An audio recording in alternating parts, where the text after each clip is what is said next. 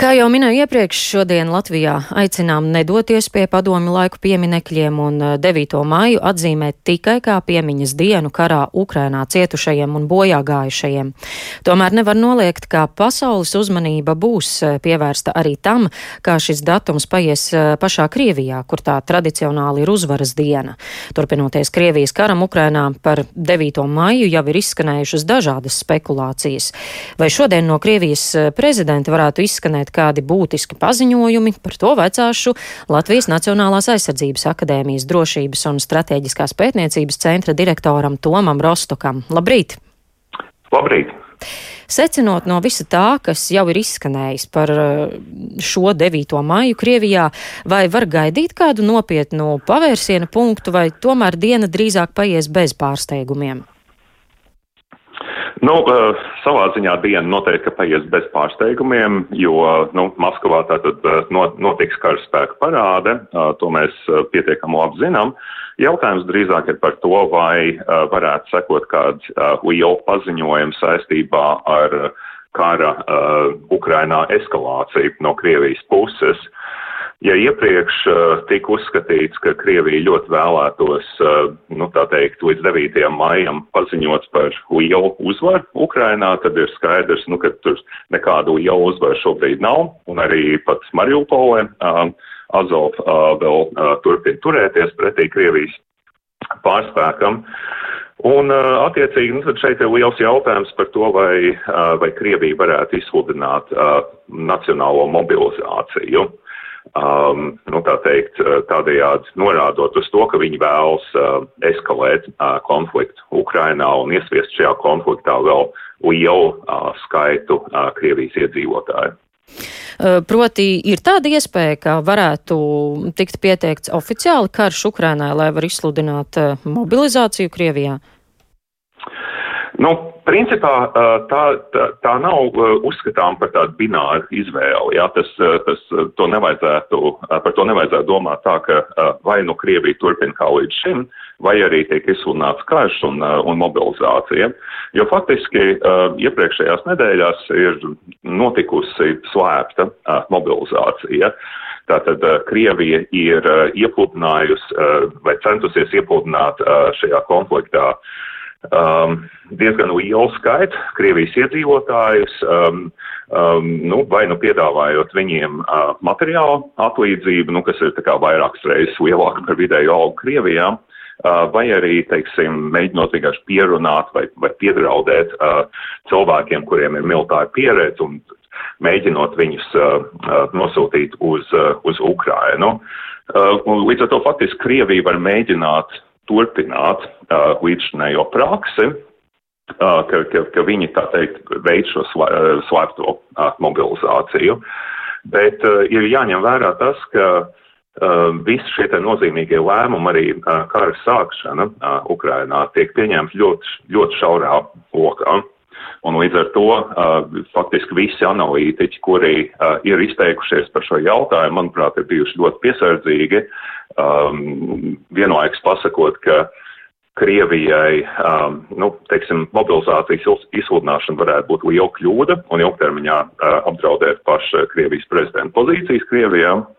Um, un, uh, nu, teiksim, no otras puses, uh, jā, kad uh, karš ir, uh, nu, šī militāra operācija ir nonākusi strupceļā uh, Krievijai, un, uh, lai gūtu kaut kādu uzvaru, nu, viņiem ir vajadzīgs lielāks cilvēku skaits bet, eh, bet mēs īsti nezinām, ko tad viņš šodien paziņos. Jā, nu mēs varam tikai spekulēt, eh, bet ja raugāmies uz pašu Krievijas sabiedrību un eh, uz to, ko Krievijas sabiedrībai nozīmē 9. maijs, vai šogad tas varētu tikt svinēts vēl pompozāk, vai varbūt tieši otrādi Krievu sabiedrībā sāk mazināties atbalsts gan karam Ukrainā, gan arī Kremļa saimniekam? Um, nu, tas, uh, tas, ko mēs varam sagaidīt, ir patiešām, ka tas atbalsts laika gaitā varētu vismaz drusciņi mazināties, jo, nu, um, pie šādiem lieliem satricinājumiem atbalsts politiskiem līderiem parasti palielinās, un pēc tam viņš tā kā uh, drusciņi sāk uh, samazināties. Uh, bet, uh, nu, tajā pat laikā, nu, vai, vai, vai, vai tas būs pompozāk vai nē, es domāju, ka tas uh, nebūs pompozāk. Bet nevar noliegt to, ka ir daļa Krievijas sabiedrības, kas kas ir tikusi, nu, tā kā vēl vairāk, nu, kas šo te 9. māju uztvers daudz sakāpinātāk.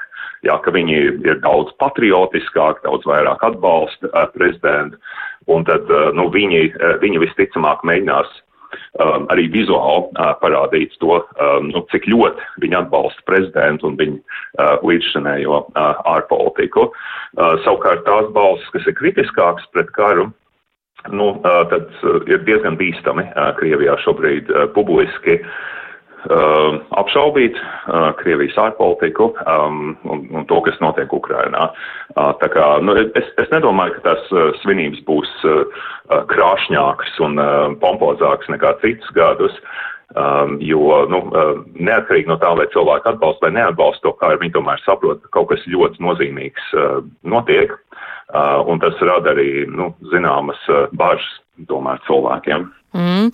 Kas šodien varētu notikt eh, tajās Ukrainas teritorijās, kur ir iegājis Krievu karaspēks? Eh, ir dzirdēts, ka iespējams varētu būt gūstekņu parādes vai Ukrainā vai Maskavā. Eh, tajā pašā laikā Mariupolē jau ir nomainīti pilsētas nosaukumi ar uzrakstiem krieviski, izlikti 9. māja plakāti. Kā jūs prognozējat? Um, nu, skaidrs, ka okupētajās teritorijās Krievija mēģina parādīt to, ka, nu, ka šo teritoriju uh, piedarība ir faktiski mainījusies. Nu, uh, nav, uh, šis, šis process jā, nav ticis uh, formalizēts. Bet, uh, manuprāt, tas ir drīzāk tāds pakāpenisks process, ko Krievija vēlas uh, parādīt uh, gan pasaulē, gan arī um, šo teritoriju iedzīvotājiem, ka, nu, ka faktiski situācija ir krasi mainījusies un ka, ka iedzīvotājiem vajadzētu arī pieņemt to, ka, nu, ka tagad šīs teritorijas kontrolē Krievija. Bet, nu, protams, no Ukrainas valdības puses tas vēstījums ir skaidrs, jā, viņi, viņi to neatzīst un viņi arī cīnīsies par šīm teritorijām. Uh, Zelenskis, uh, Ukrainas prezidents, uzvaras dienas priekšvakarā apsūdz Krieviju nacismā, turpretim pats Putins uh, turpina uzstāt, ka Krievi cīnās pret nacismu, kā pirms 80 gadiem, tā arī tagad.